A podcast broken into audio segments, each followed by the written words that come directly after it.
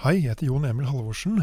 Jeg er eh, formidler, jobber som formidler på Borgarsyssel museum i eh, Sarpsborg. Eh, og som en del av Østfoldmuseene.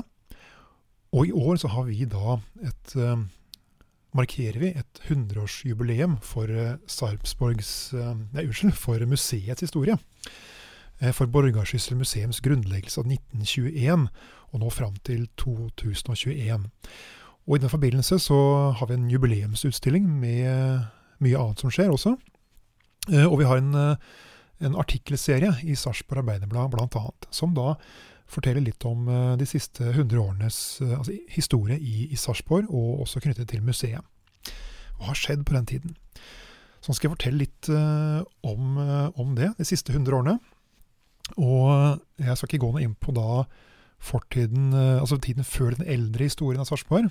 Den um, kan vi ta en annen gang, men vi kan jo nevne at Sarpsborg ble grunnlagt i 1016, eh, som byen Borg, da, av Olav den hellige, Olav Haraldsson. Og det, eh, det um, var jo da en viktig middelalderby, og en av de eldste i landet. Eh, den var det lenge. Den byen ble jo grunnlagt da rett ved Sarps, Sarpefossen, og vi finner jo da så vidt noen rester av den dag i dag inne på Borgarsyssel museum.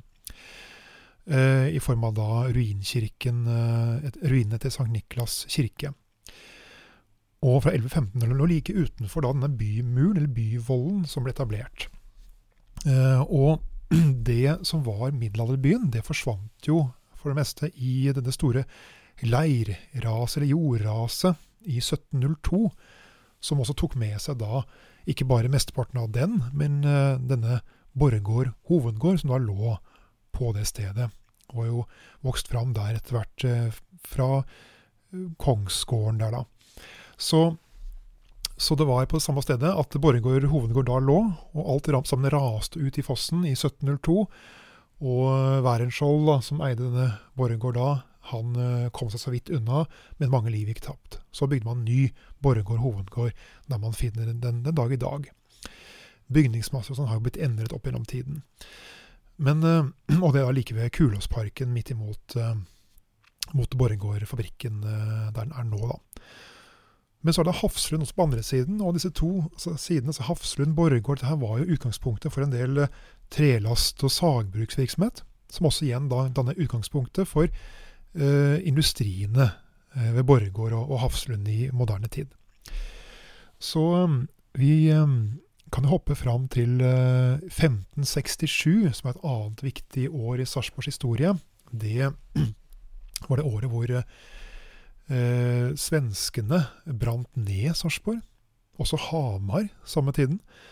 Eh, det gikk hardt utover eh, deler av Norge. Det var jo den store Eller den, den eh, nordiske syvårskrigen som raste på den tiden her. Og så flyttet man ganske enkelt byen på mange måter til Eller man flyttet av byen til eh, der som Fredrikstad ligger nå. Den ble da hetende Fredrikstad kort tid etter.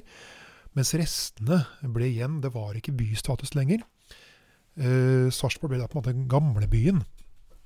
Eh, og der var det fortsatt stor aktivitet, men den falt litt i bakgrunnen eh, for den nye byen. eh, og, men likevel så vokste det fram en del eh, handelsvirksomhet, en del håndverksvirksomhet. Det var disse herregårdene, som sagt. Eh, og det var, eh, det var absolutt eh, aktivitet. Eh, og det gikk framover etter hvert. Igjen. Så i 1839 så er et annet viktig år, og det er da det året hvor eh, Sarpsborg får igjen bystatusen sin. Eh, og så går det fort, fort, og det blir en industriby for nå har vi kommet til industriens eh, altså industrielle tidsalder. Begynner jo for norsk del i hvert fall rundt disse tider. Så eh, ved de gamle, altså utgangspunktet fra de gamle sagbrukene så etableres da moderne industri, som sagt. Og vi har jo da eh, Borregaard, som er liksom den store fabrikken, fabrikkbedriften Borregaard. Ble etablert da i 1889. Liksom, hva er på en måte Sarpsborg uten Borregaard, tenker mange man tenker på det. Eh, men det var masse industri i, i eh, den tidlige tid. Men Borregaard er liksom ganske dominerende, og blir jo det også. Er den dag i dag. Eh, med utenlandske eiere da, ble etablert i 1889, eh, altså fabrikkbedriften, og fikk navnet da The Kellner Partington Pulp Company. eh, og så kommer den igjen på norske hender eh, i 1917, lurer på om det ikke var. Uansett så er det eh, Så vokser det fram en eh, koselig liten by også, i tilknytning til dette her. Det var jo bebyggelse, selvfølgelig. Det var jo litt var den gamle byen, som nevnt, men det vokser fram en moderne by, da. En liten by. Med også da mye annen industri. Vi kommer vi tilbake til det.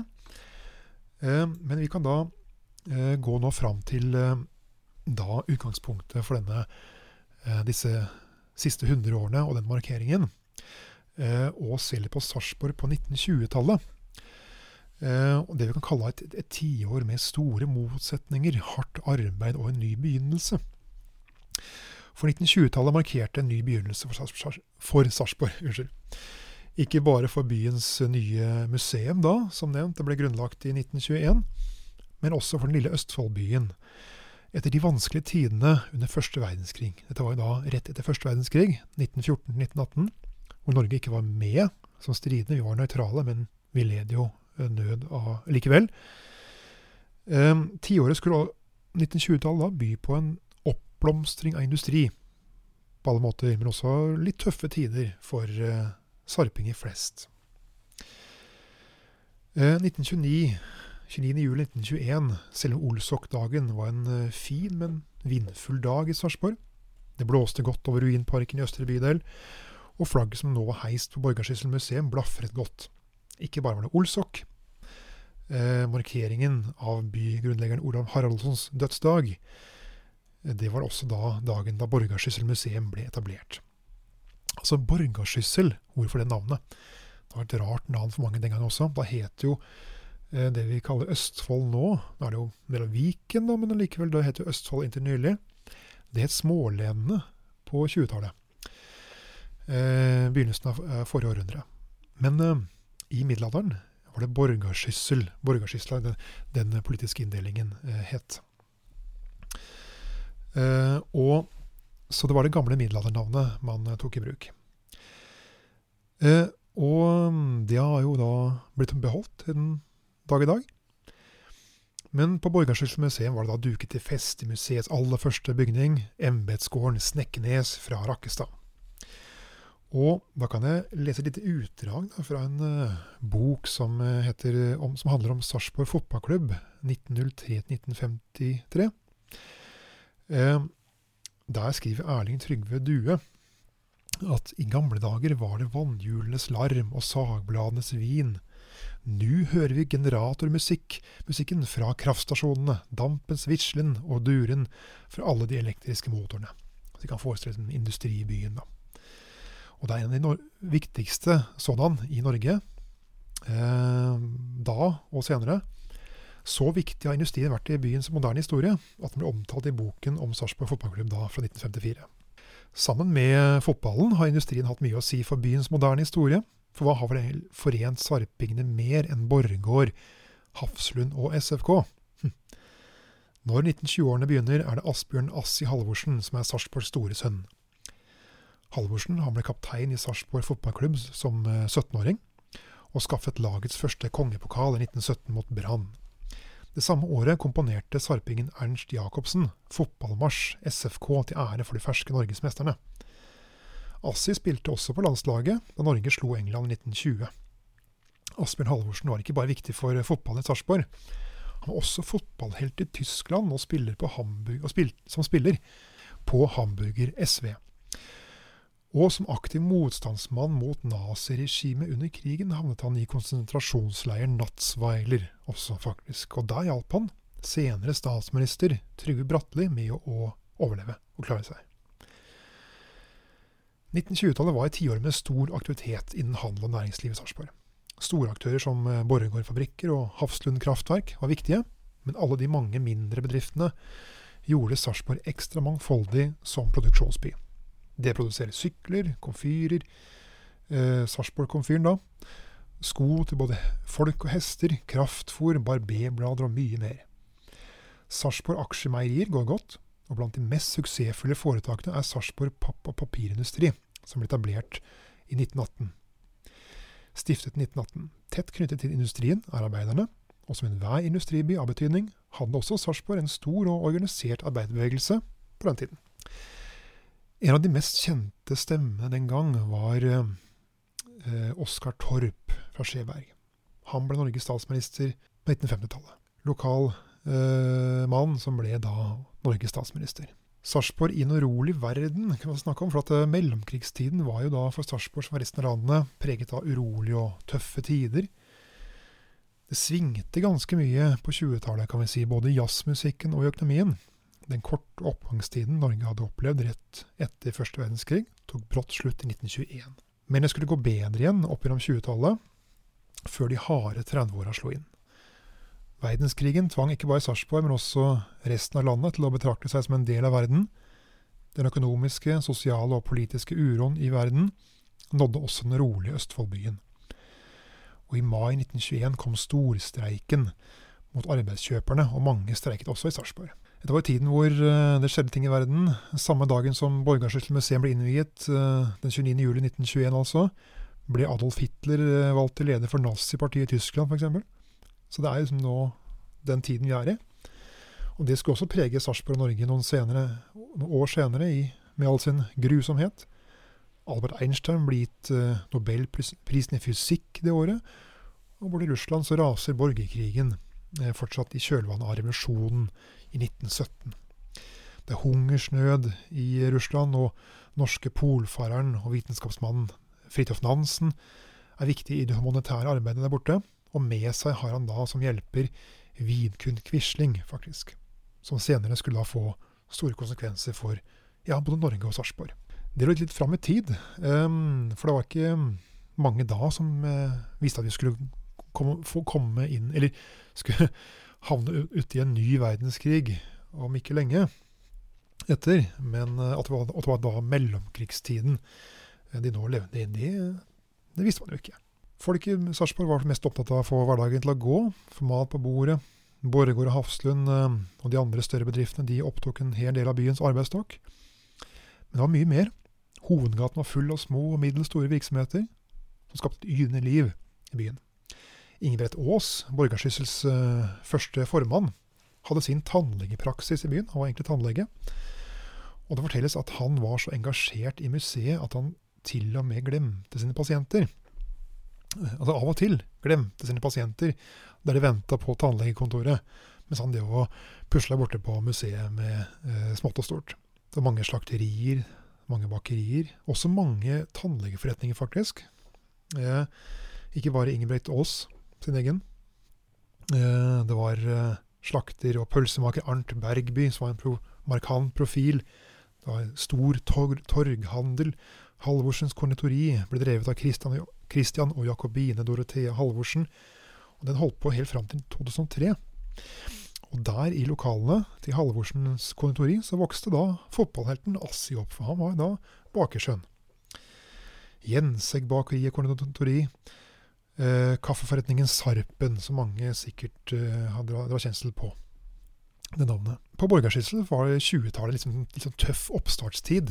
Eh, og det gjaldt liksom få penger og midler, og eh, ildsjelene drev eh, holdt på, slik som eh, Ingebrigt Aas og advokat Bjarne Didriksen og andre som er viktige i historien. Noen få nye bygninger dukket opp, og oppmerkingen av Olavsvollen da, den gamle festningsvollen som nevnt tidligere, den tok til. Men så løsnet det litt på slutten av tiåret, da man bestemte at Østfoldutstillingen i 1930 skulle holdes, og at museet skulle få bli en del av den. Og 900-årsmarkeringen av Olav den helliges død. da. Så kom da arbeidet i gang med det som skulle bli Olavskapellet og Stenhuggerhallen, som er på museet den dag i dag. Det kom i gang. Det er altså da kopier av slike middelalderbygg. Og Østfoldutstillingen som vi skal høre litt mer om. Så det skjedde, det skjedde masse, og mer skulle, skulle skje. For på 30-tallet, der kan vi snakke om Sarpsborg eh, altså Stikkordet er industri, folkefest og harde tider. Eh, og årene mellom 1929 og 1932 var tøffe for verden, for Norge og for Sarpsborg. Børskrakket på Wall Street i 1929 eh, skapte en del økonomisk uro over store deler av verden. Og selv om det er langt fra New York og Wall Street eh, til Sarpsborg, så skulle det likevel påvirke byen som eh, verden for øvrig. I det fulle og hele. I stor grad, i hvert fall. Men de harde 30-åra, som vi kjenner dem som, hadde også noen lyspunkter. Det var ikke, ikke minst i Sarpsborg. Det var store endringer på 30-tallet i byen. Dette var tiåret som da begynte med denne nevnte Østfoldutstillingen. Eh, som da skulle omhandle hele fylket, og som sluttet med byens 100-årsjubileum. Eh, altså Tiåret sluttet med byens 100-årsjubileum i 1939, for da feiret man da nevnte 1839, da, og Ehm, eh, gjeninnførelsen av eh, bystatusen. Så mange, alltid mange feiringer. Sarpsborg har feiret eh, mye de, opp gjennom tiden. Mange jubileer. Nå sist i 2016, altså tusenårsjubileet til uh, Olavs by Borg. Da. Så um, det var uh, aktivitet, men ute i verden så begynte ting å liksom mørkne litt, kan vi si. Um, krigen nærmet seg jo. Man kunne sånn ane at det var skumle tider i ferde, kanskje. Det var mye ja, det han kaller ekstremisme i politikken. Det var jo fascismen og nazismen sånn opp mot kommunismen, og det var, det var mye politiske kamper, også her hjemme. Eh, men eh, tilbake til da denne eh, byfeiringen 1939, jubileet. Så da kom jo også kong Haakon på besøk til byen den 9. august. Som høydepunkt der, kan vi si. Og Kong Haakon 7. han sier jo da jeg vet knapt noen by i landet hvor bebyggelsen gir et så levende inntrykk av hjem, virkelig hjem, skriver, eller sier da Håkon 7. Det er jo koselig å høre. Eh, han eh, besøkte også museet. Der ble vist rundt av statsingeniør Fredrik Wisløff. Og um, han fikk en fortjenestemedalje i gull av kongen. Og gull ble det også til uh, Sarpsborg fotballklubb, for dette var året, altså 1939, hvor SFK beseiret FFK i det som skulle må ha vært en av de mest spennende kampene tiåret hadde å by på. Fredrikstad hadde 3-0 til pause, men kampen endte i SFKs favør, 4-3. Og SFK vant senere på året sitt tredje norgesmesterskap. På begynnelsen av 1900-tallet var det stor vekst i Sarpsborg. Byens mange industribedrifter drev godt, og det ble mange arbeidsplasser. Men Arbeiderpartiet, med Arbeiderpartiet og ulike fagforeninger i ryggen, så gikk arbeiderne en tryggere framtid i møte. Arbeidstiden ble kortere, lønningene høyere, og ved hjelp av fagforeningene så ble ikke endringer, endringer i industrien synonymt med oppsigelse lenger. Eh, at, de, at det ble ikke synonymt med oppsigelse, for da det, Man vant jo fram. Man prøvde og vant der de kunne. Og det ser vi bl.a. på Borregaard. Der uh, var det litt omstillinger. Og 90 mann ble overflødige plutselig i høst, på høsten uh, eh, 1933. Men fagforeningskamp førte fram til at de ble forflyttet til en annen avdeling, og fikk da beholde jobbene. Sarpsborg Papp og Papirindustri var også en bedrift i vekst på 30-tallet. Eh, Sarpsborg Komfyren, Lyn Elektriske. Mange komfyrer. Eh, Sarpsborg Aksjemeieri vokste fram, vokste godt. Eh, og det var eh, mye som skjedde. På museet eh, så blomstret det også, da. Eh, som nevnt vertskap for den store Østfoldutstillingen, som varte i ni uker og straks over et område på 90 000 kvadratmeter. Altså ikke bare museet, da, men også ellers. Og denne utstillingen ble en kjempesuksess. Og på en måned ble det registrert 250 000 besøkende. Og da kom denne eh, kopien av middelalderkirke og klosterhage eh, da opp på museet. Og I tillegg så man, fikk man også etablert da det vi kaller for Østfoldtunet. Eh, som er da for det meste 1700-talls, som er da 1700-tallsbygg. Eh, da eh, sånn tun Eh, med husmannsstue og, og, eh, og, slikt på museets grunn. Eh, så det er Det kom en del ting da. Museet var som kjent også midtpunkt under 100-årsmarkeringen i 1939. Og mm, det kom litt skår i gleden da, rett før, Eller på samme tid. For at museets første formann, Ingebrigt Aas, han døde da 1.7.1939 dessverre. Men allikevel ble festligheten gjennomført. For ingenting skulle stoppe, kunne stoppe det. I år så viderefører vi jo den tradisjonen. Vi prøver å få til en 100-årsmarkering for museet, til tross for, tross for da koronasituasjonen og alt som kan komme i veien. Selvfølgelig blir det jo etter forholdene, men markering blir det uansett. 1940-tallet. Krig, samhold og en ny vår, kan vi da kalle det. Sarpsborg på 1940-tallet. 1940-tallet var for Sarpsborg, som for resten av landet, særlig preget av én ting. da, Det var jo krigen. Krigen med stor K. Eh, selve krigen, altså andre verdenskrig. Og det var jo også altså Selv om andre halvdel av 40-tallet eh, brakte med seg en del uh, ny vår og optimisme, så var det hovedsakelig pga. det mørke eh, altså, Så var det hovedsakelig altså det det, altså krigens mørke da, kan vi si, som da preget 40-tallet for folk. Det vi, det vi husker liksom også forbinder med 40-tallet. Og Sarpsborg ble også en eh, del av verdensbegivenhetene, med Norge for øvrig, da okkupasjonsmakten eh, kom. Så man begynte å se konturene av en ny verdenskrig allerede i 1930-tallet. Eh, Tysklands aggressive framferd, opprustningen, vi har jo Italia, vi har Japan høsten 1939, da ble krigen et faktum. Ehm, da begynte også den første rasjoneringen på sukker og kaffe og bensin i Norge. Eh, og det ble gjennomført av blendingsøvelser. Altså man skulle blende liksom, eh, gardin, altså gardinblending, altså, eh, foran, altså blendingsgardiner foran vinduene for å hindre at bombefly skulle se lysene fra husene. Slike ting. Og det var jo like etter, da. I 19, altså april dagene 1940 at krigen for alvor kom til Norge også, med den tyske okkupasjonen 9.4. Så um, det preger jo Sarpsborg også, og Østfold. Tyskerne tok jo Østfold i løpet av få dager. Uh, og sarpingene sto imot uh, invasjonsstyrken ved Greåker bl.a., men uh, det var dårlig våpen og lite militær trening. Kampene varte ikke lenge før man måtte gi tapt tyske overmakten ble for stor. Og tyske soldater inntok Sarpsborg, eh, og fra 14.4.1940 så var da Østfold i tyske hender, eh, står det skrevet. Så um, begynte det man kan kalle for uh, okkupasjon Altså det man kan kalle for en nazifisering da, under okkupasjonen. Eh, så til tross for at tyskerne hadde inntatt byen, så var det likevel mye motstand. Men Eh, og motstandsgrupper samlet seg for å hindre tysk frammarsj. Eh, og man eh, la ut sprengstoff Sarp, under Sarpebrua og, og, en del ting. Så, men likevel så gikk jo da tyskerne og deres norske samarbeidspartnere, altså Vidkun Quislings parti Nasjonal Samling, tyske nazistene da, inn for å nazifisere landet og Østfold og Sarpsborg. Litt morsom historie på det hele var at tyskerne hadde da eh, De holdt jo eh, altså En av de viktigste forsvarsstillingene var da Sarpebrua. ikke sant? For det var veien over eh, brua og eh, Hafslund og det hele der. Eh, de etablerer en, eh, en, en, en bunker som like ved museet der, som er like ved museet nå. En del av museets samling nå, faktisk.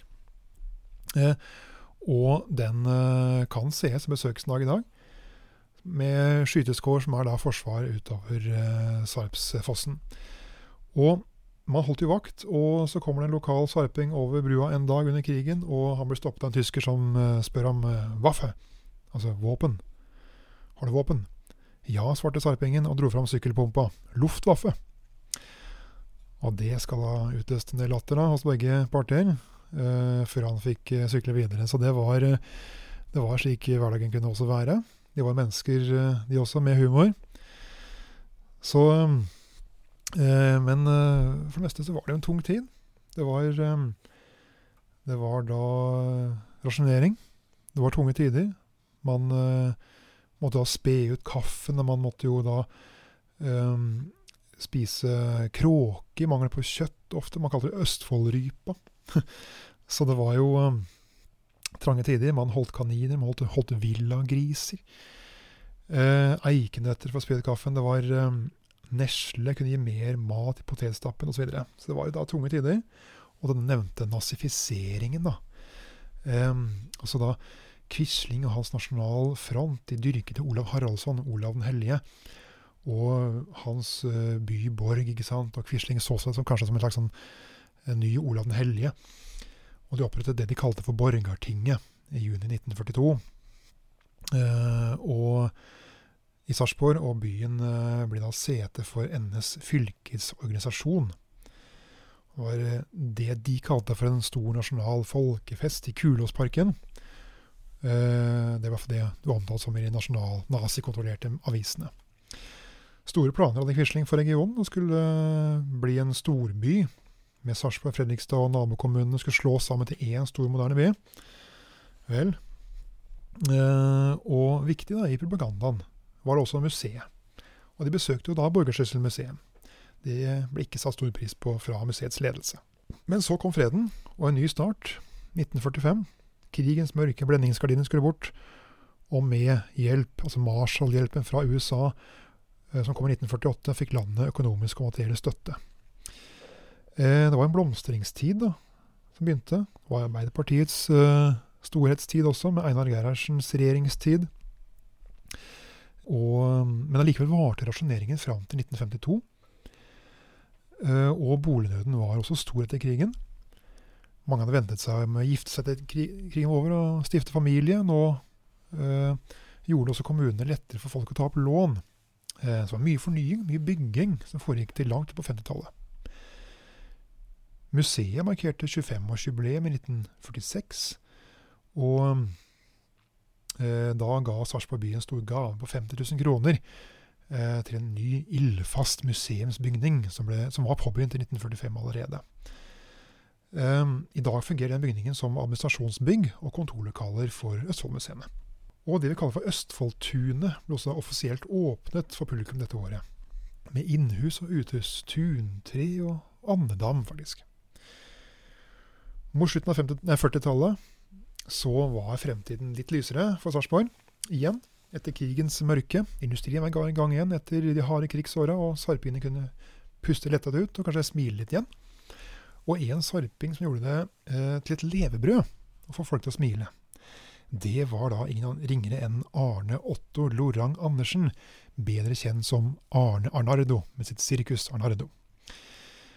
Og eh, for en brumunddøl som meg, også fra Hedmarken, så er det jo litt uh, artig også uh, tenke på at jeg da er i slekt med Arne Arnardo, faktisk. Jeg har også røtter tilbake til uh, Østfold og området rundt Sarpsborg og Fredrikstad. Så um, han kunne glede både barn og voksne. Og selv har jeg vært på Sirkus Arnardo Det var barn. Så kunne også sarpingene feire med velfortjent cupseier til SFK i både 1948 og 1949. Så da endte det kanskje det tiåret med litt positiv eh, Litt mer positive følelser.